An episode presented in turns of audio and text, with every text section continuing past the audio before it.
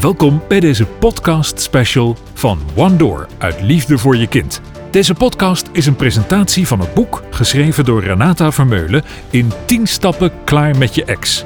Een boek dat volgens de reviews door alle ouders in of na een scheiding gelezen moet worden. Renata bespreekt tijdens deze podcast de noodzaak van dit boek met haar gasten.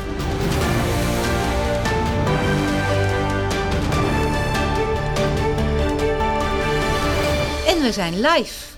Allemaal hartelijk welkom bij eh, deze eh, feestelijke uitzending, want het wordt een, eh, feestelijke lancering van mijn boek. Vooral ook iedereen die thuis aan het kijken is van harte welkom. Ehm, ja, normaal gesproken doe je zoiets in een feestelijke setting, in een zaaltje met een hoop bombarie. Maar door corona kan dat natuurlijk niet.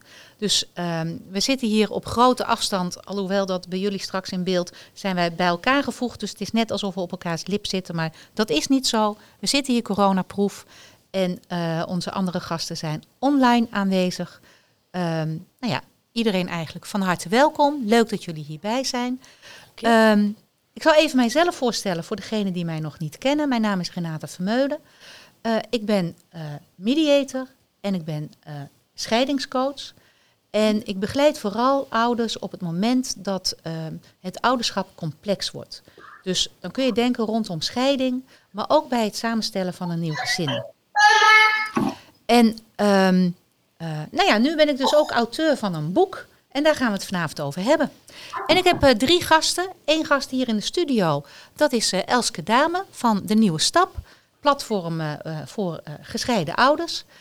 Ehm, en online hebben we Annewieke van der Boom, mediator. En Marieke Lips eh, van Kids in Between. En ik wil eigenlijk aan jullie allemaal vragen of jullie even jezelf willen voorstellen. En mag ik met jou beginnen? Ja, natuurlijk. Nou, om te beginnen, leuk dat ik erbij eh, kan zijn. Ehm, ik ben Elske Dame, zoals je zei. Ik ben mede-eigenaar van eh, Nieuwe Stap, online magazine voor scheiden en gescheiden eh, mensen. Voor ook als je gescheiden bent. Ehm, dat ben ik zo'n negen jaar geleden begonnen samen met Annelies. En we willen zoveel mogelijk informatie geven als je in deze situatie zit. En daarnaast ben ik werk- en scheidingscoach. En coach ik ook mensen op, om te zorgen dat ze niet uitvallen op de werkvloer als ze in een scheidingssituatie zitten. Oké, dankjewel. Ja. En eh Marika, mag ik aan jou vragen of je jezelf even voor wil stellen? Ja, zeker. Eh, ik ben Marieke Lips. Ik ben eh, eigenaar van Kids in Between. Ik ben zelf jurist van huis uit, familie- en jeugdrecht gedaan. En me daarna veel meer gaan focussen op kinderen, op de hechting en ontwikkeling van kinderen. Ehm, ik ben ontwikkelaar van de rol van de kindbehartiger. En de rol van de kindbehartiger vervul ik eigenlijk ook zelf in de praktijk. En daarnaast ehm, pak ik eigenlijk vanuit mijn eh, praktijk Kids in Between heel veel casuïstiek om rondom parallel ouderschap, wat vandaag natuurlijk centraal staat. En ik vind het heel erg fijn om eh, eh, tools te ontwikkelen, eh, boeken te schrijven. Dus ehm, dat is een beetje dat ik me ook op allerlei andere gebieden nog bezig hou. Maar eh, voor vandaag het stukje kindbehartiging en eh, parallel ouderschap. Ja, dankjewel. Annewieke, mag ik jou vragen om jezelf even voor te stellen? Ja, ook heel leuk om hierbij te zijn natuurlijk. Ik ben eh, mediator in Doetinchem en in Arnhem. En mensen komen bij mij als ze willen scheiden. En dan help ik hun afspraken te maken over de kinderen, over financiën, alimentatie, pensioenen. Nou ja, de hele financiële kwesties eh, die allemaal geregeld moeten worden. Daar begeleid ik de mensen bij om die afspraken te maken. En daarna help ik ze ook om het allemaal, leg ik het voor hun vast. En regel ik ook alles wat gebeuren moet bij de rechtbank. En eh, ik heb ook een juridische achtergrond. Ik ben eh, ook nog advocaat. En ja, dat is wel gewoon gemakkelijk, omdat er natuurlijk ook altijd wel juridische kwesties eh, op tafel komen. Dus ja, dat doe ik al eh, heel lang. Ja, Heel lang. met veel plezier. Ja. Oké, nou, hartelijk dank. Ehm, nou, dit was eigenlijk een beetje eh, wat wij zakelijk allemaal doen. En ik denk dat het heel leuk is voor de eh, mensen thuis om ons ook persoonlijk wat beter te leren kennen. En ehm, in de praktijk gebruik ik daar altijd de kaartjes voor, van toevallig eh, eh, ontwikkeld door Marieke van eh, Recht uit mijn hart. En die wil ik eigenlijk ook voor jullie gaan trekken. Dus ik ga ze even schudden en dan eh, leren we elkaar nog iets beter kennen. Ja. Recht uit mijn hart. Het kaartspel voor ouders en kinderen in scheiding.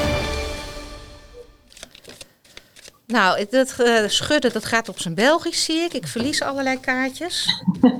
ja, dat zullen de zenuwen zijn, denk ik. Nou ja. ehm. Ik eh, ga er gewoon vier uithalen. En dan zien we wel wat er uitkomt. Als je nou een vraag van mij krijgt waarvan je denkt van nou, dat vind ik hier echt niet de plek om antwoord op te geven. Dat mag hè. Ehm, alles mag. Gewoon zeggen van eh, ik wil een andere vraag. Ehm, even kijken. Anne-Wieke, mag ik aan jou vragen om antwoord te geven op eh, de vraag...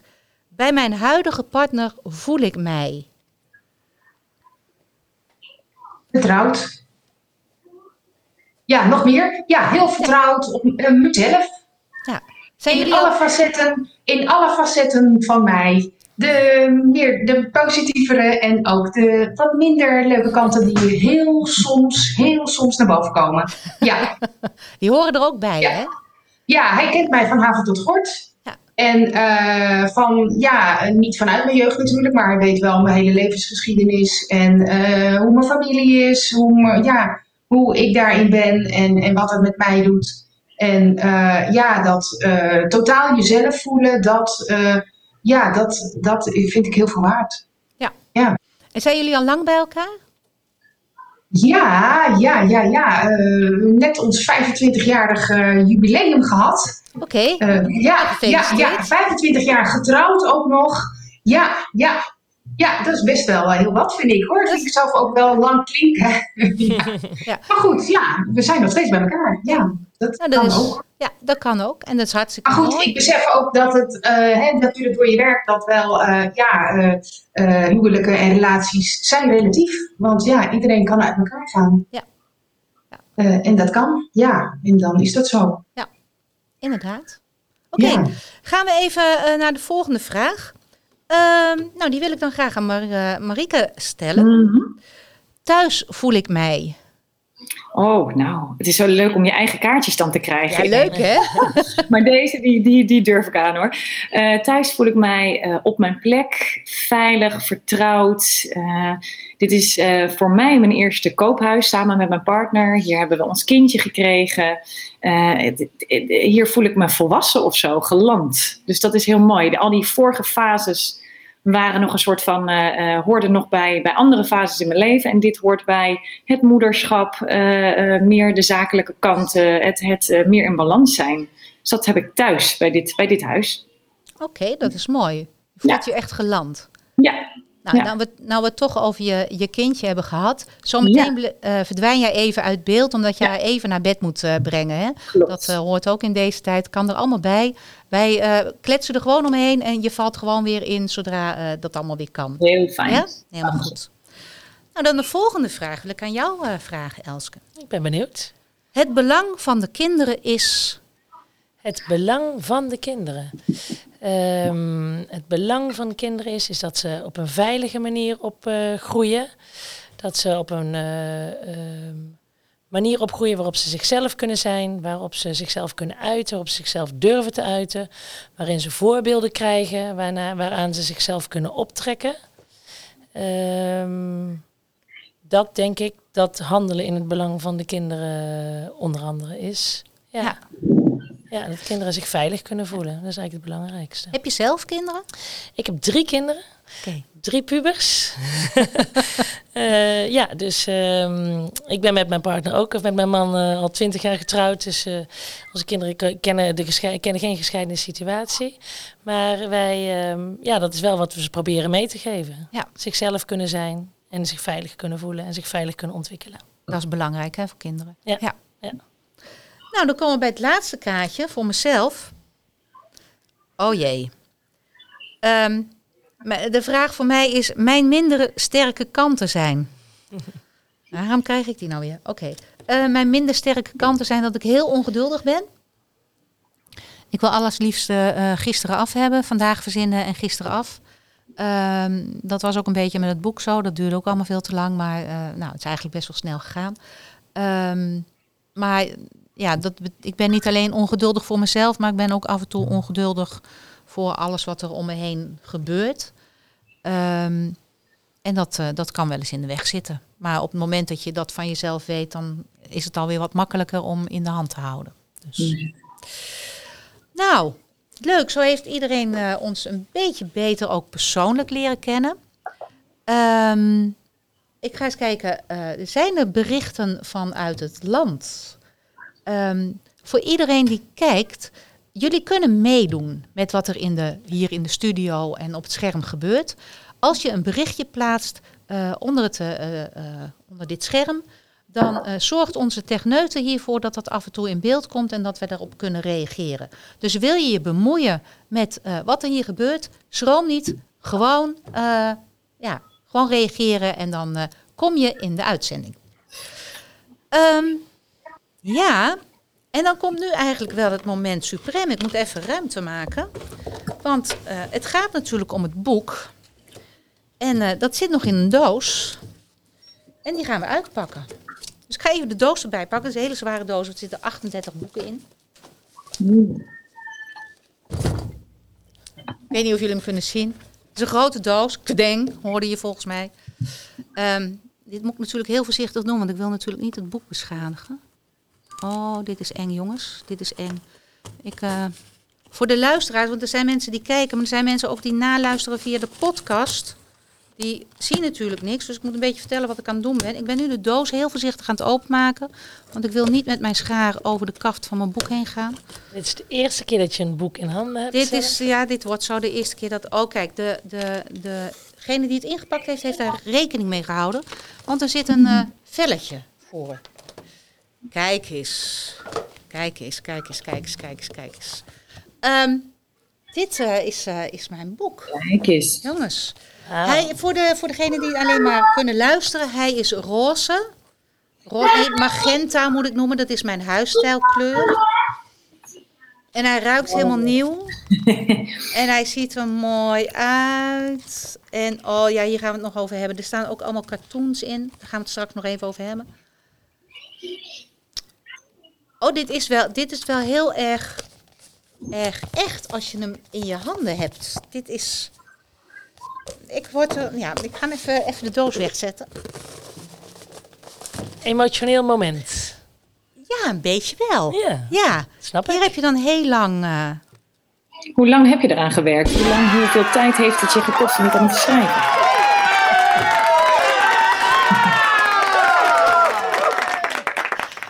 Dankjewel, Jacarino, voor dit applaus.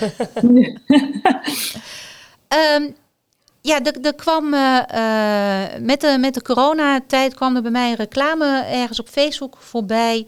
Uh, schrijf nu in zes weken je boek. En uh, toen dacht ik, nou, het gaat rustig worden met corona. Dus dit is misschien wel het moment dat wat altijd al in mijn hoofd hing, om dat dan nu te gaan doen. Um, Alleen het werd niet rustig in mijn praktijk. Het, werd, uh, ja, het bleef net zo druk of misschien zelfs wel drukker. Dus toen moest het toch nog in zes weken tijd gebeuren. Dat is niet helemaal gelukt. Uh, ik heb er acht weken over gedaan. En daarnaast is het zo dat uh, in het boek um, ook verwezen wordt naar de online video-ondersteuning. Dat staat ook op een, een, een, stickertje. Ik weet niet of ik het in beeld kan brengen. Ik moet even kijken hier. online video-ondersteuning. En die video's die zijn ook nog net niet helemaal af. Um, maar dat moet deze maand wel uh, echt uh, klaarkomen. Dus ja, met het boek schrijven acht weken ben ik ermee bezig geweest. En toen was die, was die af. Zo, die, nou. Ja.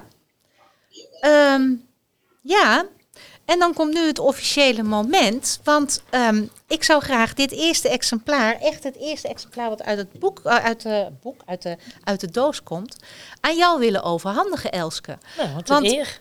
Ja, jij bent uh, mede-eigenaar van het, uh, het platform De Nieuwe Stap. Het platform voor mensen die gaan scheiden of die gescheiden zijn. die nieuwe stap gaan zetten in hun leven of gezet hebben. Um, dus ja, via jou hoop ik dat hij bij al die duizenden mensen die jullie platform kunnen vinden, dat hij op die manier een, een ingang vinden of in ingang vindt. En dat mensen, uh, ja, eigenlijk mijn doelgroep via jou uh, dit boek kunnen bemachtigen, zeg maar. Dus ja, we zitten heel ver van elkaar, dus ik ga kijken of we dat redden met onze lange armen. Oh. Mag ik hem aan jou overhandigen? Dankjewel, dankjewel. Nou, om te beginnen, prachtig. Het ziet er prachtig uit. Mooie kleur. Inderdaad, mooie tekeningen erin. Uh, nou, we gaan zeker uh, aandacht besteden op nieuwe stappen uh, aan je boek. Eh, dat mensen alvast een voorstukje kunnen lezen daarvan. En ik begreep van jou dat we een winactie mogen doen. Ja. Dus eh, we mogen twee exemplaren verloten. Maar dat komt allemaal, eh, zal volgende week op nieuwe stap eh, komen. En dan eh, kunnen we mooi verloten. Hartstikke Ja, fijn. leuk. Ik vind hem prachtig. Dankjewel. Dankjewel. Ja. En eh, waarom heb je eigenlijk het boek eh, geschreven? Ja, kijk, dat is. ehm, eh, het heeft heel lang in mijn hoofd gespeeld. Als je kijkt, ehm, eh, er gaan heel veel mensen scheiden. En er is ook heel veel hulpverlening voor mensen die gaan scheiden. Maar het is allemaal gericht op dat ouders samen het ouderschap invulling moeten geven. En dat is natuurlijk hartstikke mooi als dat lukt. Ja. Maar wat nou als het niet lukt? En ehm, soms is er zoveel gebeurd tussen een stel dat het, dat het gewoon haast niet te doen is om samen aan de gang te gaan. En ehm, ehm, het is bijna not done als je als ouder niet samen door één deur kunt met, met de andere ouder van je, van je kind. En ik heb dat ook gemerkt toen ik eh, eh, op zoek was naar een pakkende titel. Want ja, je moet een titel hebben die, die een beetje prikkelt, hè, zodat mensen hem ook gaan oppakken. En toen kwam ik dus op deze titel in 10 stappen klaar met je ex. Daar heb ik heel veel commentaar op gehad van, van collega's. Je gooit dat in, in Facebookgroepjes en in, eh, nou ja, in, in, in collegiale groepen van wat vinden jullie daarvan. En ik heb heel veel commentaar gehad van dat het te negatief was en dat je mensen toch juist moet stimuleren om er nog samen uit te komen. En, maar daar is al zoveel in. Maar er is heel weinig voor mensen die er niet meer samen uitkomen. En dat heeft mij eigenlijk gesterkt van ja, er moet gewoon een handzaam boek komen voor mensen die thuis al zelf aan de slag kunnen om hun situatie te veranderen. Nou ja, dat is de reden waarom ik eh, het boek eh, ben gaan schrijven. Mensen die al heel veel geprobeerd hebben om er samen uit te komen en merken dat het niet lukt. Ja. En dat ze dan op hun eigen manier Ja. vorm gaan geven aan het ouderschap. En inmiddels eh, eh, heb ik ook, eh, ehm, ja, ook wel teruggehoord dat ook voor mensen die het wel samen doen, het ook heel fijn is om, om deze stappen te doorlopen. Omdat ze losser komen van elkaar en ze elkaar daardoor meer ruimte kunnen geven, waardoor het samen invulling geven van het ouderschap ook makkelijker gaat. Ja. Ehm, even kijken. Ehm, uiteindelijk is het zo dat als je een boek gaat schrijven, dan moet een voorwoord inkomen. En ja, wie laat je nou zo'n voorwoord schrijven? En dat is eigenlijk best wel lastig, want ja, ehm, eh, je wil eigenlijk iemand die aansluit bij het onderwerp van je boek.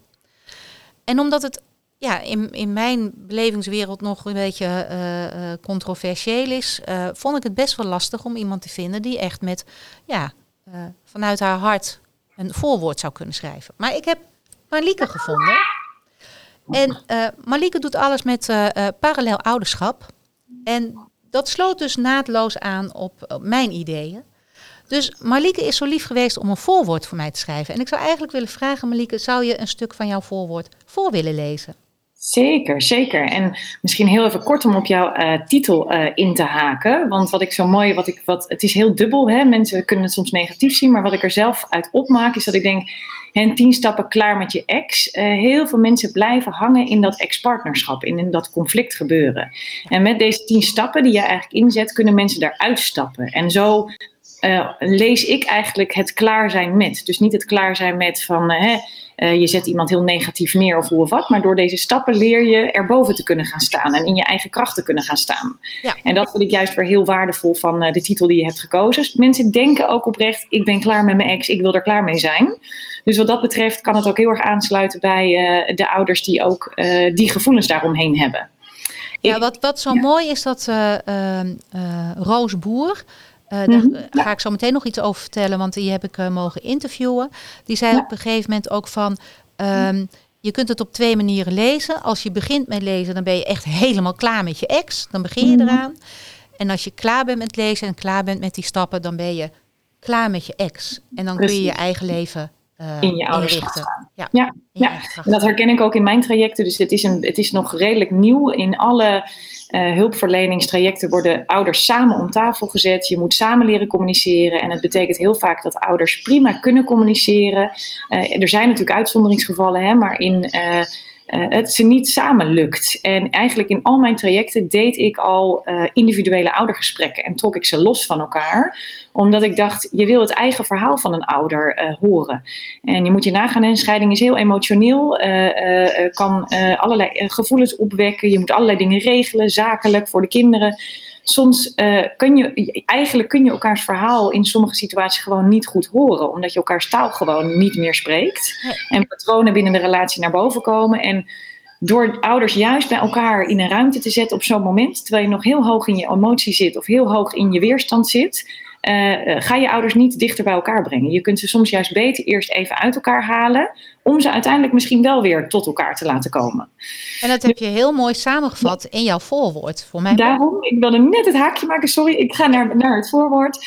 Um, je ouderschap kan verschillende vormen aannemen. In een coöperatieve vorm vindt veel overleg plaats. Je doet samen de schoolgesprekken, viert verjaardagen samen en er is flexibiliteit. In een parallele vorm is er weinig tot geen contact tussen jou en de andere ouder. Schoolgesprekken vinden afzonderlijk plaats. Er zijn strakke, gedetailleerde en duidelijk omlijnde afspraken, zonder flexibiliteit. Het gaat er vooral om dat het kind, jullie kind, in relatie blijft staan tot beide ouders. Dat het rust ervaart rondom de scheidingssituatie en met een vertrouwd gevoel verder kan. Je kind wil ook dat het goed gaat met zijn ouders. Dat het goed gaat met jou als moeder of goed gaat met jou als vader. Dat je je gelukkig voelt. Dat je normaal over elkaar praat, naar het kind toe en naar anderen. En dat je geen ruzie maakt met elkaar. Waar gaat het nou soms fout?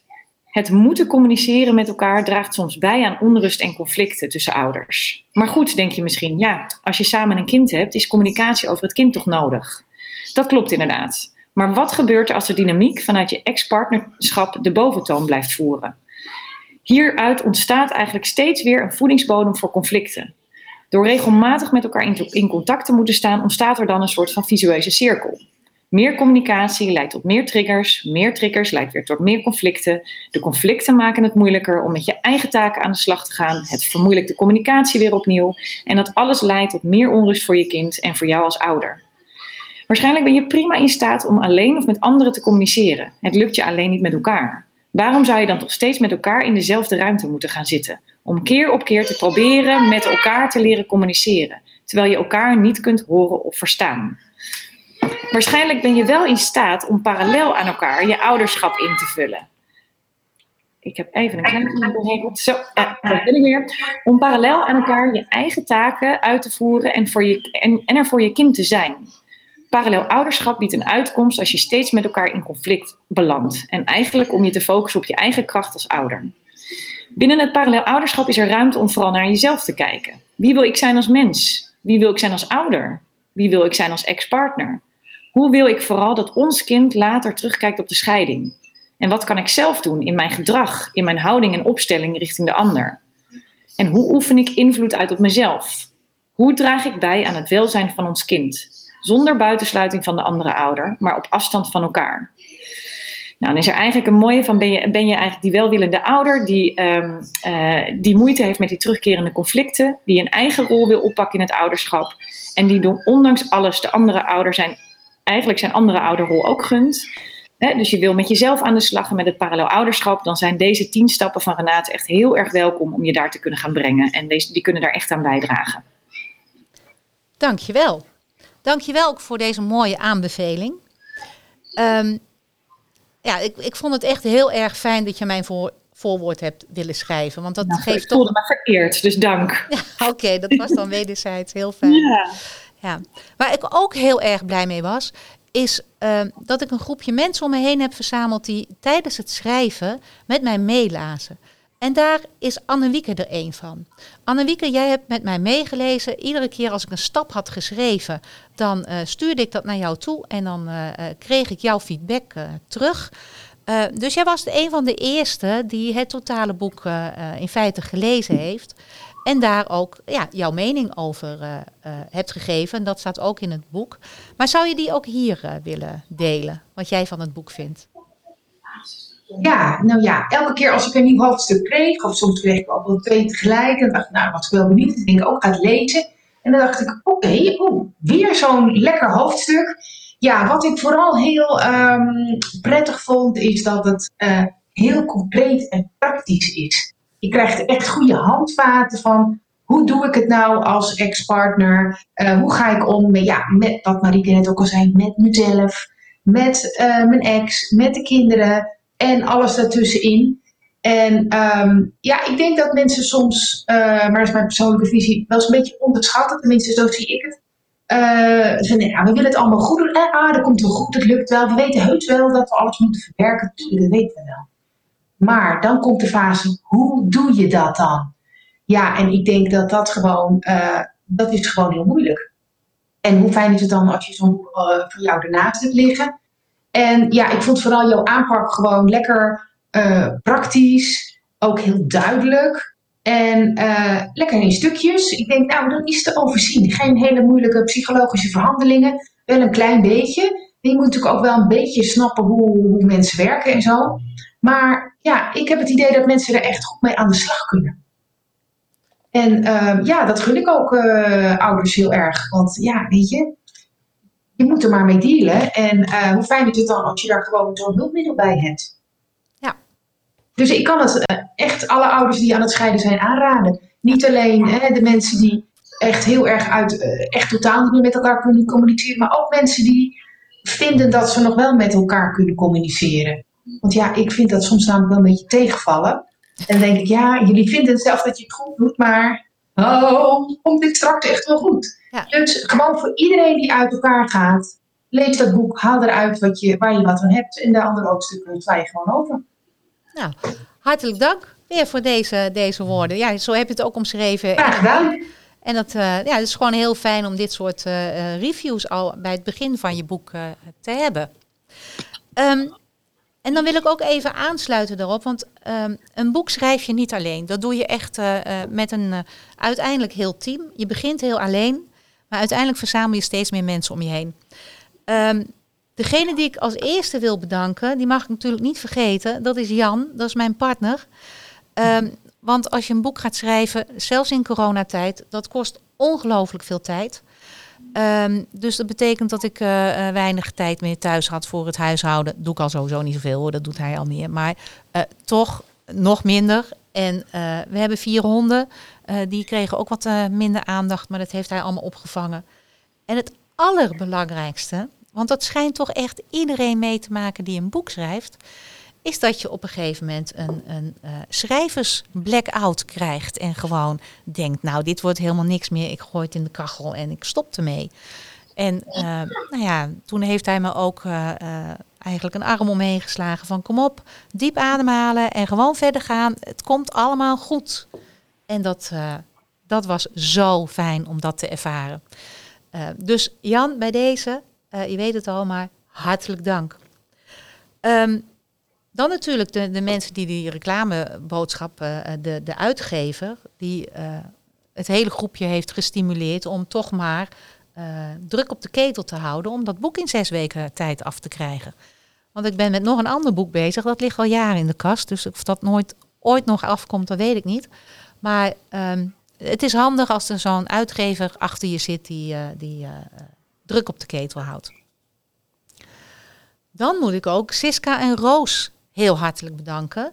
Um, dat zijn twee uh, gescheiden moeders die ik allebei heb mogen interviewen. Het interview met Roos is opgenomen. Uh, dat komt ook uh, straks in de videobox voor iedereen die het boek heeft aangeschaft beschikbaar. Um, en zij hebben mij heel veel inzichten gegeven en input voor het boek. En dat is gewoon heel fijn. Ook stukken uit hun verhaal zijn opgenomen als voorbeelden in het boek, zodat iedereen zich er ook een beetje in kan herkennen. En dat is altijd fijn dat het niet alleen maar vanuit jezelf komt, maar dat je anderen om je heen hebt die daaraan mee willen werken. Dus bij deze Siska en Roos heel hartelijk dank. Um, nou, naast Anne-Wieke heb ik nog vier meelezers gehad. Dat waren uh, Malou, Demi, Edwin en Ingrid. En die wil ik ook alle vier bedanken, want bedenk je wel, je krijgt um, een, een, een, schema van mij. Dan en dan kun je een hoofdstuk verwachten. Nou, dat lukte natuurlijk nooit. Ik was altijd te laat. Maar ik verwachtte wel van hun dat zij op tijd hun uh, feedback gaven. Dus dat uh, uh, hebben ze allemaal netjes gedaan.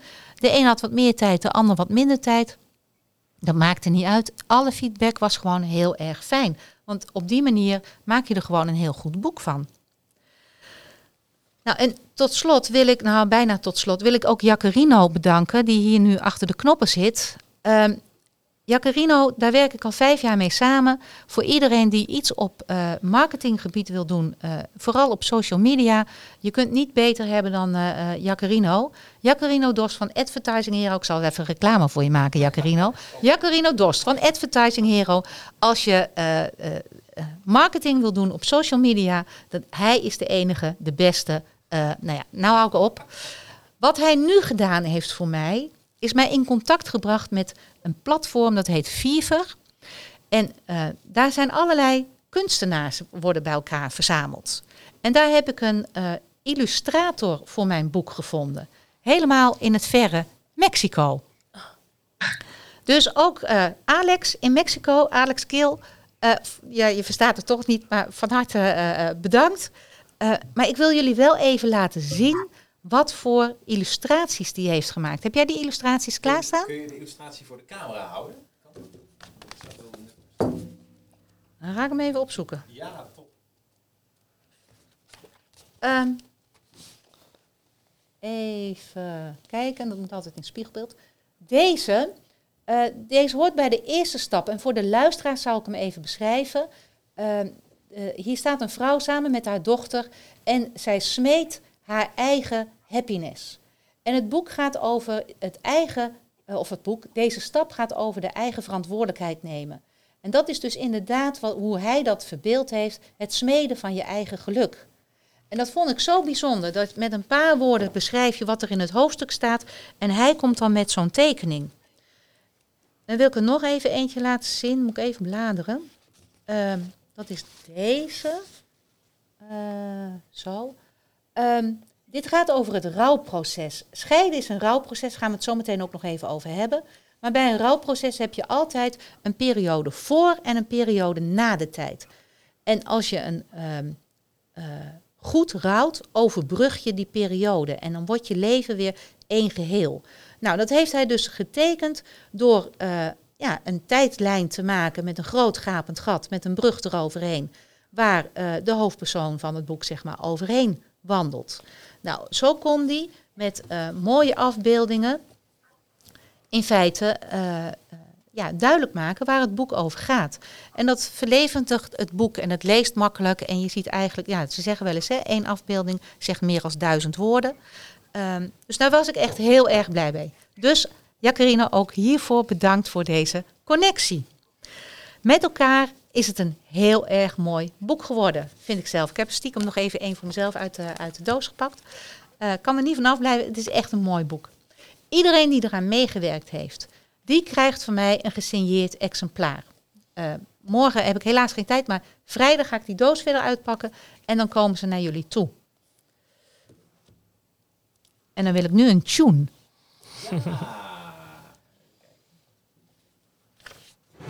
Ontvang het boek thuisbezorgd. En als jullie thuis dat nou ook willen, dat dat boek thuis bezorgd wordt, dan kan dat natuurlijk. Ehm, als je hem gesigneerd wil hebben en je wil er een bericht, persoonlijk berichtje in, dan is het handig als je hieronder even zegt dat je dat wil. En je kunt gelijktijdig naar eh, mijn website gaan, www.wandoor.nl. Of als je dat lastig vindt, dat wandoor, www.uitliefdevoorjekind.nl. En daar kun je het boek bestellen. Ehm, je kunt het boek ook bestellen via bol.com of managementboek, managementboek.nl. Ehm, alleen daar betaal je verzendkosten. Dus als je het via mijn site doet, dan eh, betaal je in ieder geval de komende weken geen verzendkosten. Dus dat is even het cadeautje vanwege de lancering. Ehm, nou, dan gaan we even kijken of er leuke berichtjes zijn. Nou, ik zie alleen maar proficiat, proficiat, gefeliciteerd met je boek. Dankjewel, dankjewel voor alle felicitaties. Het is inderdaad de geboorte van mijn boek. Ehm, en dat, eh, ehm, ja, we zouden eigenlijk beschuit met muisjes moeten hebben. Hè? Ja. Ja, daar heb ik niet aan gedacht. Maar roze is het wel. Ehm, even kijken. Het is een eh, tien stappen boek en ik wil graag zometeen met z'n vieren de tien stappen bespreken. Ehm, nu wil ik nog één ding met jullie delen, even uh, een actualiteit. Want daar wees een van mijn klanten op uh, die de uitnodiging kreeg om uh, ja, deze livestream te volgen. Ze zegt het boek komt precies op het juiste moment. Want op dit moment zijn er eigenlijk twee nieuwsartikelen. De een is van de VVAS, die zegt van de vechtscheidingen die nemen zien er ogen af. Um, maar ja, daarmee is niet gezegd dat het allemaal koek en ei is. En dat de periode na de scheiding goed gaat. Nee, weet je, ze vechten het niet meer uit voor de rechtbank. Nee. Maar dat wil helemaal niet zeggen of het nou allemaal wel zo goed gaat. En hoe het ouderschap, hoe ze het ouderschap samen vormgeven. Nee. Dat, dat is nee. helemaal, dat zegt niks. Dus dat zegt niet zoveel. Aan de andere kant was van het weekend, geloof ik, uh, Reporter Radio met een uh, uh, uitzending over dat de hulptrajecten bij voor gescheiden ouders nauwelijks effect hebben. En daar denk ik al een hele tijd over na. En uh, volgens mij heb ik daar ook wel eens met, uh, met Malike of Marike over gehad. Um, al die, die hulptrajecten, daar moeten ouders samen komen. Ze moeten samen leren communiceren. Maar als een, een beetje goede coach weet dat als iemand iets wil veranderen aan zijn situatie, dan moet hij in ieder geval ook kijken naar zijn eigen aandeel aan die situatie. En dan is het heel belangrijk dat je een veilige omgeving creëert. Maar hoe veilig is het als je ex naast je zit? Als je ex die misschien wel vreemd gegaan is met je beste vriend of vriendin. Of um, uh, ja, weet je, met huiselijk geweld. Of waarbij je gewoon al heel lang niet meer veilig voelt. En dan moet je naar jezelf kijken terwijl je ex naast je zit. Ik denk dat uh, de reden waarom al die trajecten, ook al kosten ze duizenden euro's per gezin, blijkt, uh, waarom dat mislukt, is omdat ze ze samen in één ruimte aan zichzelf laten werken. En uh, dat is ook een van de redenen waarom ik in mijn coachprogramma altijd de ouders één op één begeleid. Ik kan ze best allebei begeleiden, maar nooit bij elkaar in één ruimte. Um, nou, dan wil ik het nu graag hebben over de tien stappen van mijn boek. In 10 stappen klaar met je ex. Neem de regie over je eigen ouderschap en vind rust voor jou en je kind. Mag ik aan jullie vragen wat jullie vinden waarom het belangrijk is dat ouders zelf hun, want dat is de ondertitel, hè, neem de regie over je eigen ouderschap. Waarom is het belangrijk om je eigen regie te voeren? Elske. Nou, ik denk dat het sowieso uh, belangrijk is om uh, stappen te kunnen nemen. Als je stappen wil kunnen zetten, zul je je eigen, eigen regie in handen moeten nemen. Zul je je eigen pad moeten gaan kiezen. Um, um, ik denk dat het ook heel belangrijk is om te laten zien aan je kind. Um, om een voorbeeld te geven aan je kind van kijk, ik blijf niet zitten, ik blijf niet hangen, ik blijf niet boos op de andere ouder. Ik probeer gewoon via mijn eigen pad, probeer ik het voor jou en voor mij, probeer ik het zo goed mogelijk uh, weer, in, weer vorm te geven en in gang te gaan zetten. Ja. ja. ja. dus ik denk dat dat een heel mooi startpunt is voor de eigen regie. Ja, ja. Nou, daar ben ik het helemaal mee eens. Annemieke? Ja, um, ja, regie is denk ik uh, ook uh, überhaupt gewoon heel belangrijk in je leven om je gelukkig te voelen en om je nuttig te voelen op de wereld. Want als je regie kunt nemen, heb je ook uh, het gevoel van ik kan er zelf iets aan doen. En ik heb er zelf de hand in. En ik denk hè, dat commitment om ook wat te willen veranderen, waar jullie het net ook over hadden, ja, dat is gewoon heel belangrijk. En uh, die regie is, maakt gewoon dat het een succes kan worden. Hè, in plaats van het overkomt me allemaal. Nee, je kunt zelf iets. Je hebt zelf de, hoe pak je dan zelf die regie? Ja, ja je stapt daarmee uit je, um, uit je slachtofferrol, hè? Ja. Dat is het. Als je, als je de regie aan anderen ja. overlaat, dan, uh, ja, dan ben je afhankelijk van een ander. En dan is dus ook ja, hoe je leven eruit ziet afhankelijk van een ander. En, uh, en je kan het gedrag van de ander niet beïnvloeden. Nee. Dat is één ding wat zeker is. En je eigen gedrag kun je wel beïnvloeden. En door dat, zelf, door dat zelf aan te gaan en de stappen daarin te zetten, kun je je eigen pad gaan, uh, gaan uittekenen. Ja. En, en wat ik in de praktijk dan ook zie, hè, is dan, uh, je kunt de ander niet veranderen. Maar we reageren altijd op elkaar. Het is altijd actie en reactie. En als jij zelf verandert, dan zie je op een gegeven moment dat die ander toch ook anders gaat reageren. Dus indirect heb je op die manier wel invloed op de ander, maar je zult eerst zelf stappen moeten ondernemen. Nou ja, die stappen, dat is dus uh, de tien stappen uh, om uh, klaar te zijn met je ex. Ehm, en dan wil ik het gaan hebben over stap 1. Toch echt leuk zo'n harpje, uh, Jacarino. Stap 1 is het nemen van je eigen verantwoordelijkheid. Nou ja, daar hebben we het net eigenlijk al een beetje over gehad. Um, in dit hoofdstuk heb ik beschreven waarom het zo lastig is om die eigen verantwoordelijkheid te nemen. Um, want je, um, je ego, die, die uh, wil eigenlijk ervoor zorgen dat je een heel goed gevoel hebt over jezelf. Dus je ego beschermt je tegen een, een slecht gevoel over jezelf door vooral naar de ander te wijzen wat hij fout doet. En um, ik zeg altijd, als ik een examen haal, um, nou dan heb ik het heel goed gedaan. Maar heeft een ander een examen gehaald en ik mag die persoon niet, nou dan heeft hij vooral veel mazzel gehad. Ja, en zak ik voor een examen, nou, dan ligt het niet aan mij, maar ligt het aan anderen. Dan stelden ze de verkeerde vragen of um, uh, er was te veel herrie, uh, weet je. Maar als een ander zakt voor zijn examen, ja, dan had hij maar gewoon beter zijn best moeten doen. Herkennen jullie dat? Zeker, zeker. Ja? En dat, dat is de werking van je ego. En dat beschrijf ik ook in het boek om duidelijk te maken waarom het af en toe zo lastig is om je eigen verantwoordelijkheid te nemen. Maar het is wel belangrijk om je eigen verantwoordelijkheid te nemen. Ja, daar hadden we het net ook al even over gehad. We gaan door naar stap 2. Stap 2 gaat over rust en geborgenheid vinden bij jezelf. Um, en wat, wat ik daarbij altijd heel opvallend vind, is dat we ontzettend hard kunnen zijn voor onszelf. En de lat voor onszelf zo ontzettend hoog kunnen leggen. Terwijl we, um, als je kijkt naar kinderen, je wil de kinderen geborgenheid geven. En um, als het daarbij even iets niet lukt, dan troost je. Jij hebt kinderen, hoe doe jij dat met, met jouw kinderen als het allemaal niet zo gaat zoals zij zouden willen? Uh, dan ga je met ze in gesprek, maar je begint inderdaad met troosten en, uh, en aangeven dat het ook niet erg is dat iets niet lukt en dat iets niet op de manier gaat waarop ze het zelf willen. Um, en dat, ja, dat het dus niet erg is. En dan ga je kijken naar wat voor weg ze moeten gaan bewandelen, zodat het wel gaat lukken. Ja. En doe je dat ook voor jezelf zo? nee. Nee, hè? nee, nee, zo werkt het natuurlijk nee. niet. En Annemieke, hoe lief ben jij voor jezelf? Nou ja, daar moet ik wel mijn best voor doen. Heel hard tegen mezelf zeggen, alsof hè, van oké, okay, dit is niet erg, dit is uh, all in the game, dit kan gebeuren. Uh, jammer dan, ja, daar moet ik meer mijn best voor doen dan als ik het over mijn kinderen, als ik het naar mijn kinderen doe. Ja. ja. Ja. En, en dat is dus ook ja. op het moment dat mensen aan het scheiden zijn of gescheiden zijn, um, dan moeten ze dat gescheiden ouderschap invulling geven. En dat moet dan 100% goed gaan. Weet je, die lat ligt zo hoog.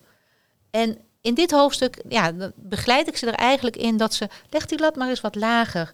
En um, wees maar eens wat liever voor jezelf. Want als je liefde en geborgenheid bij jezelf vindt, heb je het ook niet meer zo nodig van een ander. Nee, maar het moeilijke daaraan is denk ik wel dat ook de ander wat vindt van jouw ouderschap. En de andere ouder vindt daar wat van. En jij vindt wat van het ouderschap van de ja, andere Ja, ja, ouder. zeker, zeker. Dus dat maakt het heel ingewikkeld. Ja. Ja. Maar een belangrijke stap daarin is toch dat je wat milder voor jezelf bent.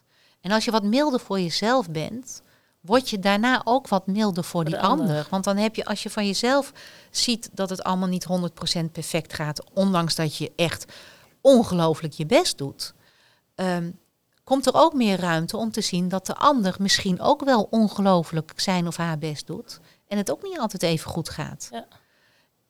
En um, dus dat bedoel ik met ja, een beetje lief zijn voor jezelf, dat geeft ruimte ook Ja. voor, voor de ander. Ja.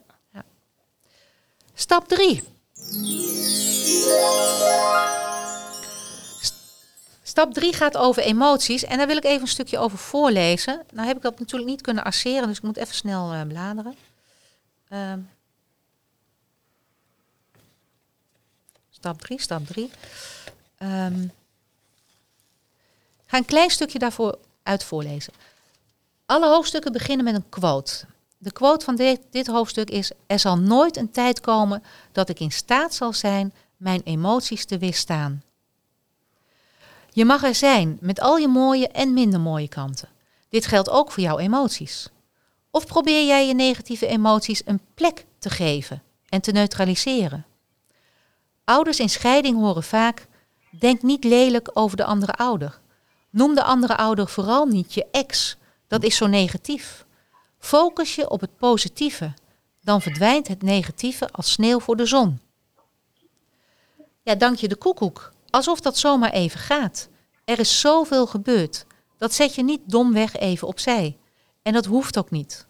Ik denk bovendien dat jij jezelf hiermee tekort doet. Mijn advies is juist om je emoties onder ogen te zien. Voel vooral wat de stuwende kracht is achter die emoties. Wat maakt dat de emoties opborrelen als lava bij een vulkaan die uitbarst? Die stuwende kracht is een deel van jou dat gehoord en gezien wil worden. Hoe denken jullie daarover? Uh, in hoeverre is het belangrijk dat de emoties die gevoeld worden, gehoord en gezien worden? Marike, wat vind jij daarvan? Ja, essentieel dat die gehoord en gezien worden. Heel veel, ik werk met kinderen en daarbij zeggen we altijd: uh, kinderen moeten zich gehoord en gezien voelen, maar dat geldt voor ouders net zo. Uh, dat geldt voor dat uh, het alles in hun, ook hun eigen kindstuk, de emoties die ze voelen, de boosheid, de frustraties, um, patronen waar ze mee zitten, maar hun verhaal doet er ook toe. Als dat er niet mag zijn en je moet dat maar iedere keer verstoppen en er geen aandacht aan geven, dan zal dat uh, ja, dan los je het niet op. Hè? Dan blijft het steeds terugkomen. Dan kan het ook getriggerd blijven worden. Dus ik denk dat het heel belangrijk is dat uh, ouders zich ook echt gezien en gehoord voelen. En dat hun verhaal ertoe mag doen, hun emoties er mogen zijn. En wat ik, wat ik ook een beetje merk is dat heel veel um, professionals of hulpverleners tegen ouders ook zeggen van... jullie moeten in het belang van jullie kind denken. Uh, en ik vind dat soms best wel streng hoe we tegen ouders zijn. Want iedere ouder wil het beste voor zijn kind. Maar soms ben je er even niet toe in staat. Ben je zo moe. Misschien lig je al nachten wakker. Uh, lig je te piekeren over alles wat je wel en niet moet regelen. En dan verwachten wij uh, soms dat ouders een soort van supermensen zijn. En dat ze alles, alle ballen maar in de lucht kunnen houden. En ik zeg soms ook tegen ouders, vooral als ik dan vanuit mijn, vanuit mijn werk. soms hoef je ook even niet het belang van je kind te zien. Je moet er wel naar, uiteindelijk natuurlijk naar handelen, maar soms zie je het even niet. En dat is ook even niet erg. Daar zijn anderen voor om je daarbij te helpen. Um, dus ik denk dat het ook uh, heel fijn is als ouders zich soms niet zo streng toegesproken voelen worden. En dat we meer faciliterend aan ouders gaan zijn. Om echt mee te denken van wat heb jij nou nodig om in je kracht te kunnen staan. En welke stappen zijn daarvoor nodig? En soms gaan wij als, als professionals, hulpverleners veel sneller dan waar ouders al zijn. Dus we moeten ook het tempo van ouders volgen. En we doen dat heel goed met kinderen. Daar volgen we heel erg hun tempo, hun rouwcurve, hun alles. Maar voor ouders uh, vergeten we dat soms. Terwijl dat ook net zoals kinderen mensen zijn die hun eigen stapjes nodig hebben. Ja. Nou, wat ik opvallend vind wat je, wat je zegt, is dat we af en toe uh, als, als hulpverlener denken, maar niet alleen als hulpverlener, ik denk ook de omgeving, Zeker, uh, ja. verwachten dat ouders supermensen zijn en zich over hun eigen leed en verdriet maar overheen moeten zetten, alsof er niks gebeurd is. En uh, ja, dat, dat heb ik ook altijd van. Er wordt heel vaak gezegd van je moet je ex niet je ex noemen. Tuurlijk is het de andere ouder van het kind. Of uh, ja, de andere ouder van het kind. Maar het is ook je ex. En jij hebt daar ook wel wat mee uh, af te, te hechten. En dat hoort soms er wel ben bij. je nog niet zo ver hè, dat je, je je ex de andere ouder kan noemen. Daar wil je wel komen. Maar soms moet je even de ex als de ex zien. En daar even de frustratie over kwijt kunnen. Om uiteindelijk toe te kunnen werken nadat je de ander weer als ouder kan zien. Ja, maar dat heeft ook allemaal te maken met het verwerkingsproces. Ja. Uh, de, de rouwcurve, waar we, de, maar dat, waar, hè, die bekend is natuurlijk Mhm. in het scheidingsproces. Uh, maar je hebt, je hebt het nodig voor je verwerking om je emoties te kunnen tonen. Ja. En om die te kunnen uiten en om gezien te worden, om gehoord te worden. Dat heeft iedereen nodig. En het, wat ook bij dat gehoord en gezien worden, wat, wat ik heel belangrijk vind, is dat ouders ook zichzelf horen en zichzelf zien. Want Ja. wat ik ook heel vaak merk, is dat ze heel streng voor zichzelf zijn van ik mag dit zo niet voelen. Want, zoals Mar Marieke zegt, van ik moet het belang van de kinderen in de gaten houden. Dus ik mag nu niet verdrietig zijn. Of ik mag nu niet boos zijn. Uh, dus ik zet dat maar ergens uh, in de kelder of op zolder of uh, ergens. Maar dat is gewoon, komt altijd als een boemerang weer terug. Ja. Want, want, iedereen uh, die vanuit zijn hart handelt, uh, houdt het belang van de kinderen voor ogen. Altijd. altijd. Maar, maar het kan niet altijd op nummer één staan. Want je hebt je eigen angsten, gevoelens, onzekerheden, boosheid, verdriet. Nou, maakt niet uit wat er allemaal bij komt kijken. Dat kun je niet continu wegstoppen om het goed te doen voor je kind. Je moet ook echt aan jezelf eh, kunnen denken en mogen denken een keer. Nou ja, ik, ik zeg ook wel eens, uh, ik, ik heb vaak het metafoor van in het vliegtuig. Daar leren ze altijd dat je eerst zelf het zuurstof uh, om moet doen hè, en daarna pas je kinderen moeten helpen. Maar in feite is dat nu ook zo. Als je eerst goed voor jezelf zorgt, dan kun je er ook weer echt voor, voor de kinderen zijn. Oké, we gaan uh, verder naar, waar zijn we gebleven? Bij stap 4. In uh, stap 4 heb ik het erover dat uh, achter de emoties ook heel vaak vastzittende overtuigingen zitten. Um, als ik ervan overtuigd ben dat een, een, een goede moeder het ja, altijd klaar staat voor de kinderen, dan kan zo'n overtuiging mij ook heel erg in de weg zitten. Herkennen jullie dat, die, die vaste overtuigingen? Ik zag jou al uh, knikken, Elske.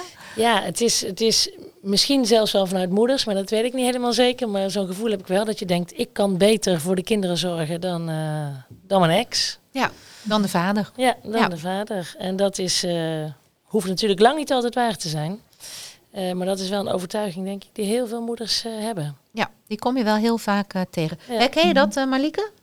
Ja, zeker. En uh, wat ik ook heel veel tegenkom is dat mensen hebben gezegd hè, van, uh, of dat, en die, in die zin ook wel vaker moeders hoor. Uh, ik hoor van vaders ook allerlei overtuigingen, maar dat moeders wel noemen, ik heb de eerste periode vooral voor de kinderen gezorgd. Ja. en waarom zou het dan nu 50-50 moeten zijn? Ja. Dat is ook bijvoorbeeld eentje. Hè. Ik noem maar iets van, van of waarom moet het dan ineens zo eerlijk verdeeld zijn? Of waarom moet hij ook een kans krijgen?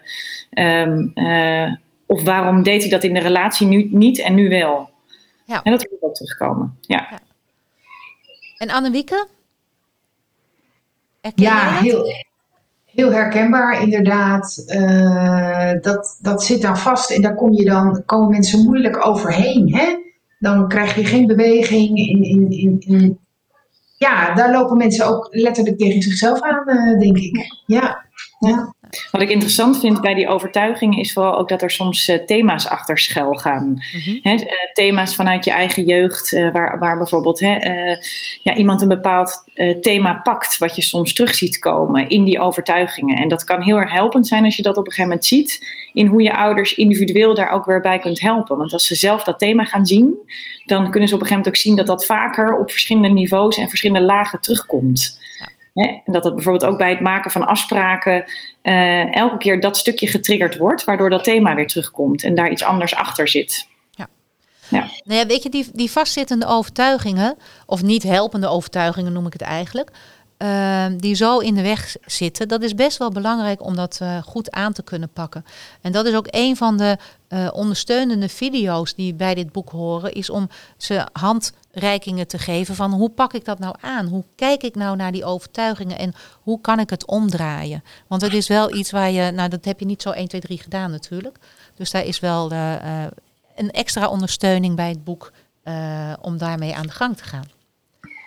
Um, ik wil graag verder naar stap 5. En de vijfde stap, um, de, de eerste vier stappen zijn eigenlijk ook wel stappen die mensen in die volgorde het beste kunnen zetten. Uh, en de volgende stappen die kunnen eigenlijk een beetje, een beetje gehusseld worden. En de vijfde stap gaat over dat rouwproces. Ja. En waar we het net over hadden, het is zo belangrijk om je te realiseren dat een scheiding een rouwproces is. Rouwen betekent dat je iets verloren hebt. En tijdens een scheiding of door een scheiding verlies je heel veel. En dat kunnen heel veel verschillende dingen zijn. En um, ik vertel ook in het boek over mijn, uh, mijn eerste scheiding. Dat ging in uh, nou, de beste harmonie die je kunt bedenken. Uh, we waren ook alle twee klaar met ons huwelijk. Dus ja, ik had echt zoiets van, hoezo rouwen? Ik ben hier helemaal happy de peppy mee. En ik verlies helemaal niks. Totdat ik op vakantie was en ik me realiseerde dat ik nu een gescheiden vrouw was. En ik had zoiets, een gescheiden vrouw. En ik had daar een bepaald beeld van, ook weer zo'n overtuiging, van dat het allemaal zeurende mutsen waren. En ik denk, oh, nou ben ik ook zo'n zeurende muts. Nou, als ik iets niet wil zijn, is het een zeurende muts. Um, dus dat was voor mij toen een klap van, oh, ik ben mijn ja, status als getrouwde vrouw kwijt. En zo kunnen er heel veel verschillende dingen zijn die je kwijtraakt tijdens, ja, met een scheiding. Zeker. En uh, Annewieke, Kun jij daar iets meer over, over vertellen? Wat, wat jij zo meemaakt in jouw praktijk? Ja, nou ja, in mijn praktijk krijgt het gewoon uh, niet zoveel aandacht. Omdat uh, ja, mensen zijn zo druk met het regelen van allemaal praktische taken. Van waar moeten we wonen, wat moeten we met het huis. En oh, we moeten afspraken maken en moeten we dat nog regelen, regelen, regelen, regelen. Terwijl, uh, ja, ik zie wel dan dat er gewoon wel rouw is. Of dat, hè, dat spreken mensen ook wel uit. Van ja, ik, ik, ik mis mijn huis, ik mis mijn familiesetting om me heen. Ik nu in één keer alleen thuis. Uh, help, hè? je verliest echt het kringetje om je heen, letterlijk. En uh, soms verlies je ook nog wel vrienden om je heen. Want ja, die kiezen dan weer voor de ander. En nou ja, allemaal moeilijk, moeilijk. Hè? En um, ja, ik, ik, ik, ik signaleer heel, heel vaak wel dat er sprake is van rouw. Hè? Maar ja, in zo'n mediation traject ja, stip je het eigenlijk maar een klein beetje aan. Ja. Want ja, je moet door en uh, althans zo gaat dat dan in de praktijk. En je denkt, je kunt ook niet alles tegelijk. Hè? Maar uh, ik, ja, het is zeker een heel belangrijk aspect wat, wat wel een keer aandacht verdient. Ja. Eigenlijk gewoon heel snel dat je alles geregeld hebt bijvoorbeeld. Of altijd, ja, hè? Nou ja, net hoe, hoe het past voor mensen. Maar ja, het moet wel een keer, want het gaat een keer komen. Ja. En soms ontkennen mensen het ook wel eens. En ik nou ja, nee, wat jij hè, je eigen voorbeeld aangaf. Nou, ik dacht, ik, ja, ik heb me verwerkt hoor. Ik ben gewoon, weet ik wel, ik kan lekker verder. Ja, maar die klap komt nog een keer. Ja. En uh, ja, dat, ja. Het is denk ik goed dat mensen zich er bewust van zijn van we moeten daar iets mee. Ja. Een keer. Ja. ja. Het is, ik ben het wel met je eens wat je zegt van het, um, het komt bij iedereen op een ander moment. En het moment moet juist zijn om daar weer iets mee te doen. Kijk, op het moment dat je heel erg druk bezig bent nog met allerlei dingen regelen, dan heb je ook de tijd niet om te voelen dat je dingen kwijtraakt of kwijt bent geraakt. Dus alles ja. heeft ook wel zijn tijd. Weet je, het hoeft allemaal niet direct. Uh, het, mensen mogen ook best wel de tijd nemen om te, te rouwen en te verwerken, toch? Ja, maar toch denk ik dat het ook in een mediation proces heel belangrijk is, omdat um, uh, mensen vaak op een verschillende fase zitten in hun rouw. De ene kan al een stuk verder zijn dan de ander. Dus de ene kan al wel dingen kunnen en willen regelen, terwijl de ander zover nog lang niet is. Nee. En daar komt dan, wordt frictie, komt frictie over. Um, en kunnen er dus, dus geen afspraken gemaakt worden. Dus toch denk ik dat het wel een belangrijk punt is, ook in een mediation, om wel uh, om aan te stippen, om te bespreken. Ja, want je hebt in een rouwproces natuurlijk ook de ontkenningsfase. Hè? En dan is ja. iemand nog helemaal, ja, maar het komt nog wel goed. En uh, weet je, dat, dat, dat, ja, dat stagneert in een mediation natuurlijk ook. Of de boosheidsfase, of de, ja. weet je, je zit, je zit, en als iemand anders al een stuk verder is. Ja. ja. ja. Laten we doorgaan naar stap, uh, uh, waar zijn we, zes? Stap 6 gaat over uh, uh, vergeven. Uh, en ook daar wil ik een stukje over voorlezen. Bladeren.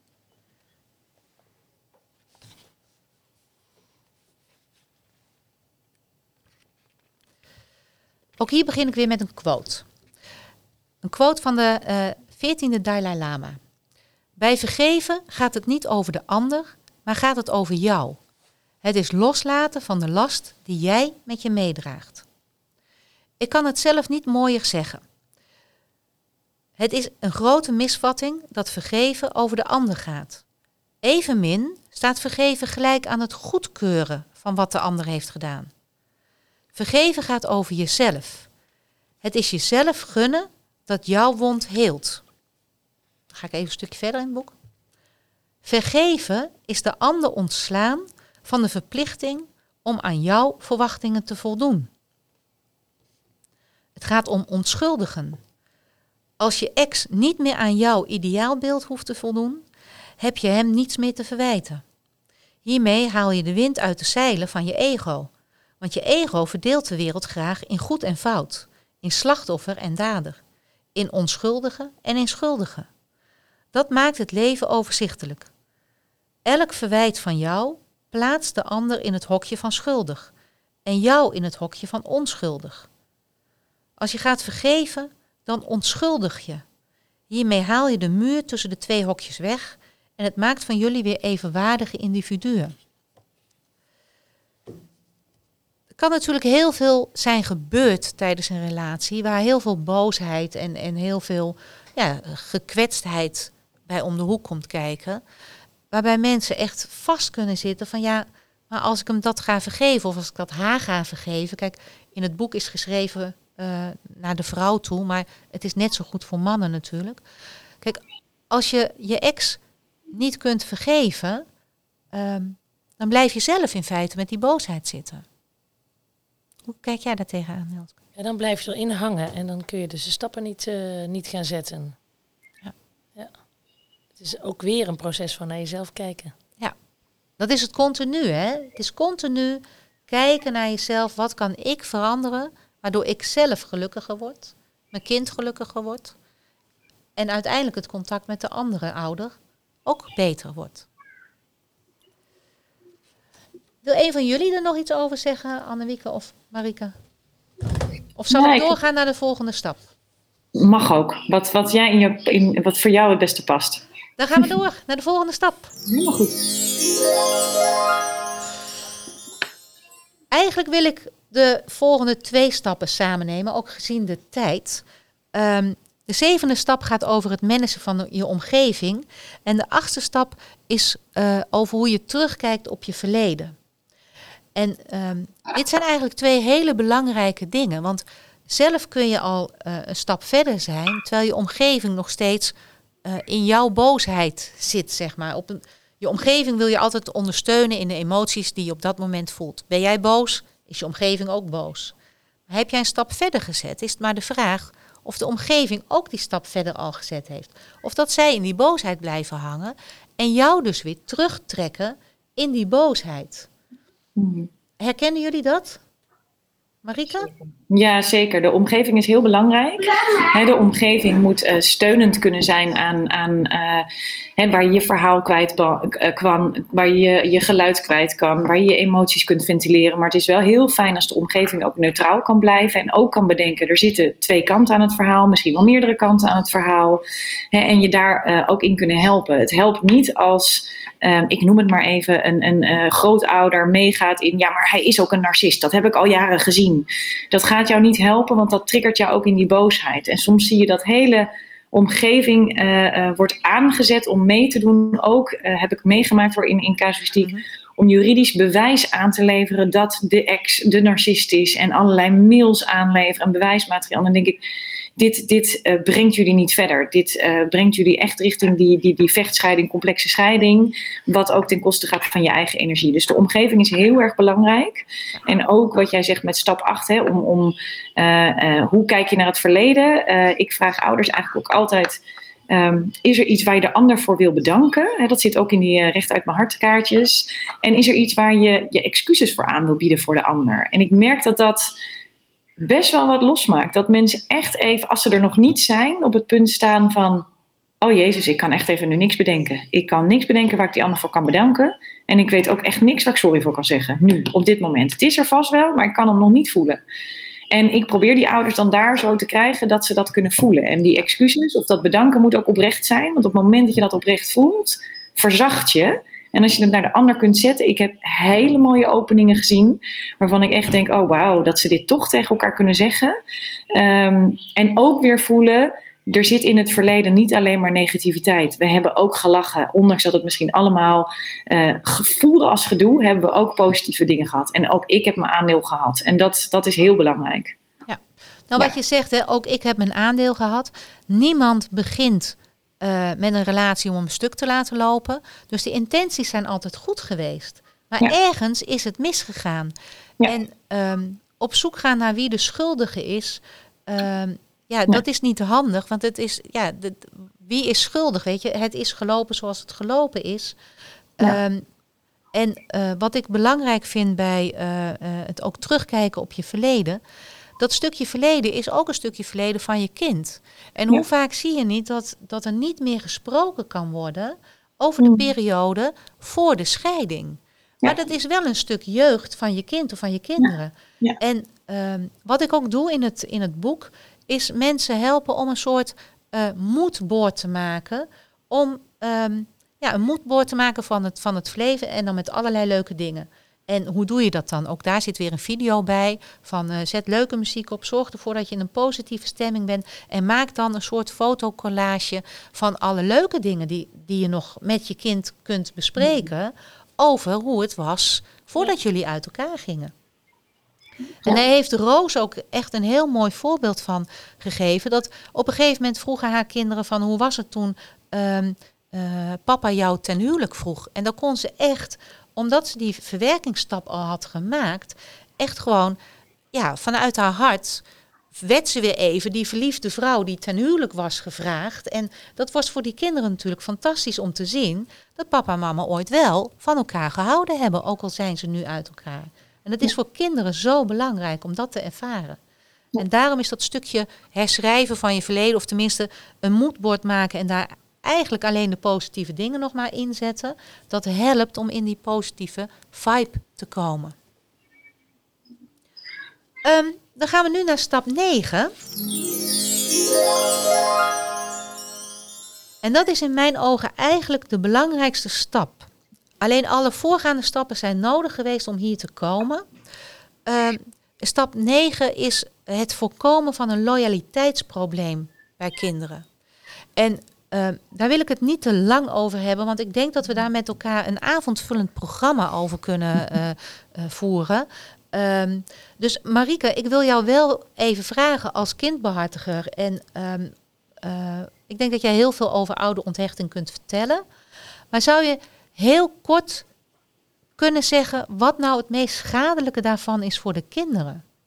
Ja, ja, weet je wat het. Uh, ja, daar kun je inderdaad een hele avond over vullen. Ik ga proberen het kort te houden. Wat, wat je voelt is dat, dat een kind um, door in zo'n loyaliteitsconflict te belanden, echt een innerlijk conflict met, zich, bij, met zichzelf uh, krijgt. En zeker ook bij ouderonthechtingen een deel uh, van zichzelf gaat afsluiten en afwijzen.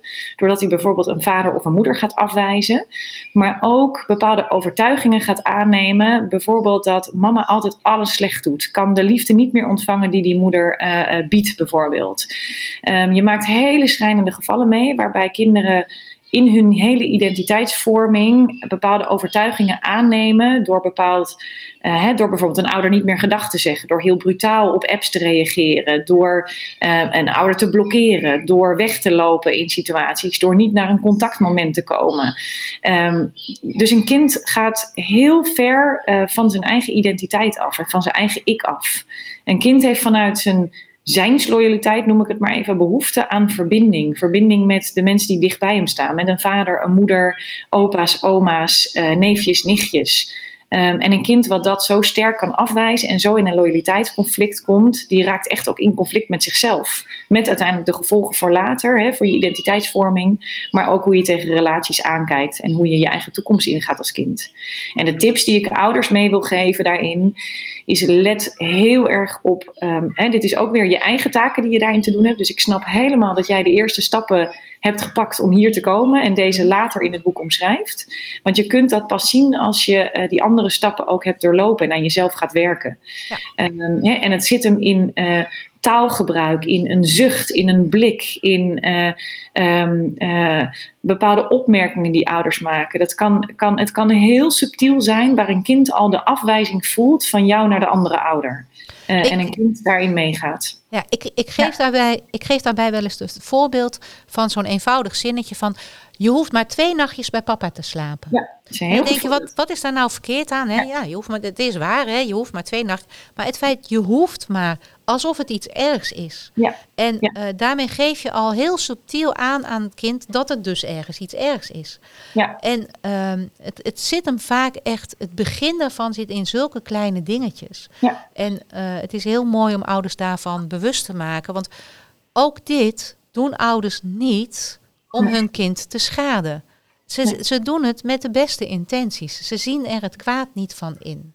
En, en misschien dat is het goed dat ouders beseffen hè, dat het zich altijd in mindere mate, in beperkte mate voordoet in een scheidingssituatie. Ja. Dat een kind zich in een conflict gaat begeven, dat er een stukje gevoel van ik moet een keuze maken of de emoties voelen van ouders. Dus het speelt altijd een beetje en je moet er heel alert eigenlijk als ouders, hè, moeten klinkt zo streng, maar wees er alert op dat, dat het kan doorslaan de andere kant op. Ja. Dat je daar tijdig bij moet zijn. Ja. Ja. En, en daarbij ehm, is het gewoon zo dat, dat eh, het risico wat kinderen lopen in, in een, een scheidingssituatie, zijn gewoon anders als de risico's die kinderen in een kerngezin eh, Ja. lopen bij hun opvoeding. En eh, ergens in mijn boek ehm, refereer, ik- refereer ik er ook aan dat ouderschap is eigenlijk het sub- sublieme terrein van een amateur. Voor alles wat wij doen, moeten wij les volgen. Als we auto willen rijden, dan moeten we autorijles volgen. Dan moeten we examen doen. Als we paard willen rijden, dan krijgen we paardrijles. Zelfs als we leren zwemmen, voordat we in het diepe mogen, hebben we eerst zwemles. Maar voordat we in het diepe duiken van eh, het ouderschap in een gescheiden situatie, ja, die lessen die zijn er niet. Daar is geen examen voor. En ehm, het is zoveel onwetendheid. Het is geen onwil van ouders. Nee. Het is onwetendheid. En ik hoop echt met dit boek, ehm, en dan komen we bij stap 10. Ik hoop echt dat met dit boek, eh, dat als mensen deze stappen hebben doorlopen, dat ze echt bij stap 10 zijn aangekomen en dus de eigen regie kunnen gaan voeren over hun eigen ouderschap.